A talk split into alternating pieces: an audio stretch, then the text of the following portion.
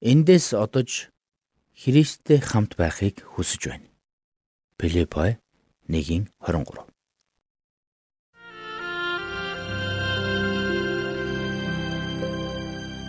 Мэргэний сонсог, мэдлэгийн тэлэг.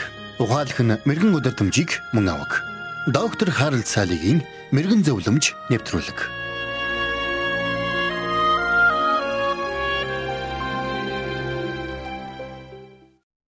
Есүсийг загалмаад цовдлогдох үед түүний дэргэд цовдлогдсон хоёр гемт хэрэгтний нэг нь түүнд хандан. Есүс. Та өөрийнхөө хаанчлалд очихдоо намайг санаарай хэмээн хашгирсан байдаг. Харин Есүс түүнд хандан "Үннээр би чамд хэлье. Өнөөдөр чи надтай хамт Деваачнд байх болно" хэмээн хариулсан байдаг. Есүсийг хэлсэн энэ үг бидэнд нэгэн чухал зарчмыг сануулж байна. Гэвч маш олон хүн Есүсийн хэлсэн энэ үгэнд тийм ч итгэлтэй байдаг. Тэгвэл Христэд итгэсэн хүн энэ дэлхий дээр амьсгал хураахад шууд мөнхийн улсад очно гэдэг үнэхээр үнэн гэж юу? Тэр цагаас хойш 30 жилийн дараа Илч Паул энэ сэдвийг хөндөж бичгтээ бидний дотор байгаа аливаа эргэлзээг тайлахаар маш тодорхой бичсэн юм. Филиппе хотын чуулганд хандан бичсэн цагталтаа Паул нэг зүйл дээр сэтгэл нь хоёрдож байгаа тухай өгүүлсэн байдаг. Ингэхдээ тэр Христтэй хамт байхын тулд энэ дэлхийгээс одохыг хүсэж байгаа ч чуулганы дусын тулд мах бодоор үлдэх нь илүү дээр хэмээн үзэж байгаагаа тодорхой бичжээ. Тэгвэл үүгээрээ Паул яг ямар санааг илэрхийлэхийг хүссэн юм бэ? Мэдээж энэ дэлхийгээс одох тухайгаа ярихдаа Паул үхлийн тухай ярьсан гэсэн үг.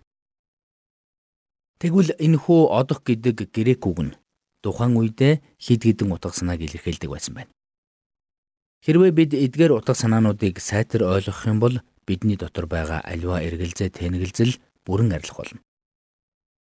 Нэгдүгээрт энэ үг нь бомбтод уяатай байгаа хөлөг онгоцыг далай тэнгисийн аялалд гарах гэсэн санааг илэрхийлдэг байсан байна. Хоёрдугаарт хаалттай байгаа хаалгыг цөм зөөхөн гарах гэсэн утгыг илэрхийлдэг байжээ. Тэгвэл Илч Паул өөрөө Филиппон шоронд хоригдож байх үед нь хүчтэй газар хөдлөлт болж Тэнгэр элч Паулыг хэрхэн чөлөөлж байсныг та санаж байгаах. Тэр үед шоронгийн хаалгууд хүчтэй сав нэгдсэн тухай өгүүлэгтэй мөн энэ үгийг ашигласан байдаг. Цаашилбал бас энэ үг нь гэрте харих гэсэн утгыг илэрхийлдэг байна. Зөөрлөлж хэлбэл Хэдэн найзууд нэгнийхээ гэрт хөвгөлтэй сайхан үдшилэг зохион байгуулжээ гэж бодъё. Тэд цагийг маш сайхан өнгөрүүлж байсан учраас хинч гэртээ арихыг хүссэнгүй. Гэвч орой болж тэд бие биедээ салах ёсгийгээд гэр гертээ харьцгаах болно. Тэгвэл Паулийн хэрэгэлсэн одох гэдэг үг нь мөн ийхүү гертээ харих гэсэн утгыг илэрхийлдэг байна. Мэдээж хинч үхэхийг хүсэхгүй. Гэхдээ хүмүүс хэрхэн асуурдаг вэ? Заримдаа хүмүүс Амьдралынхаа эд үед нас урдаг. Зарим нь гинти ослоор нас урдаг. Зарим нь тэр бүхэл өсвөр насны эсвэл бага насны хүүхэд нас барах харамсалтай тохиолдол цөөнгүй байдаг.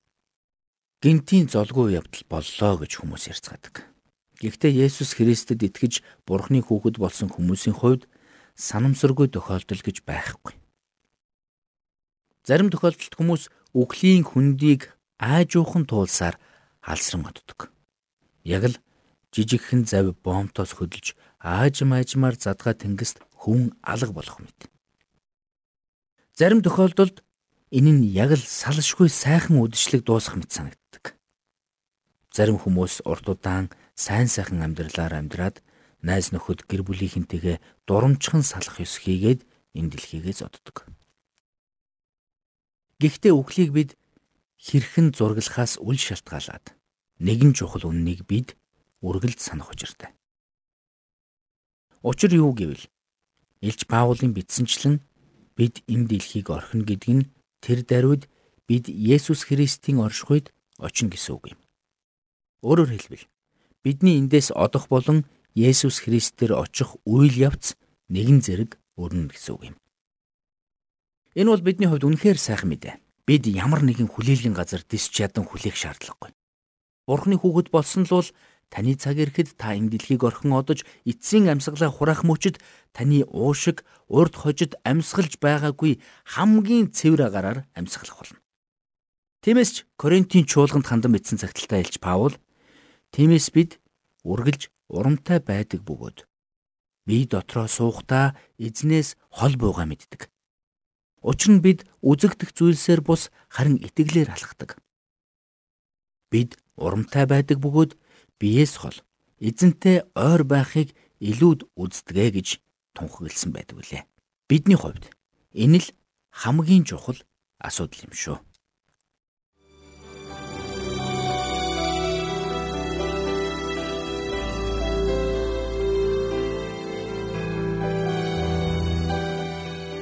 Мэргэн нэгнийг дагвал мэргэн, мулгуутай нөхөрлөл хорлол. Доктор Харалт Салигийн мэрэгэн зөвлөмж нэвтрүүлгийг танд хүргэлээ.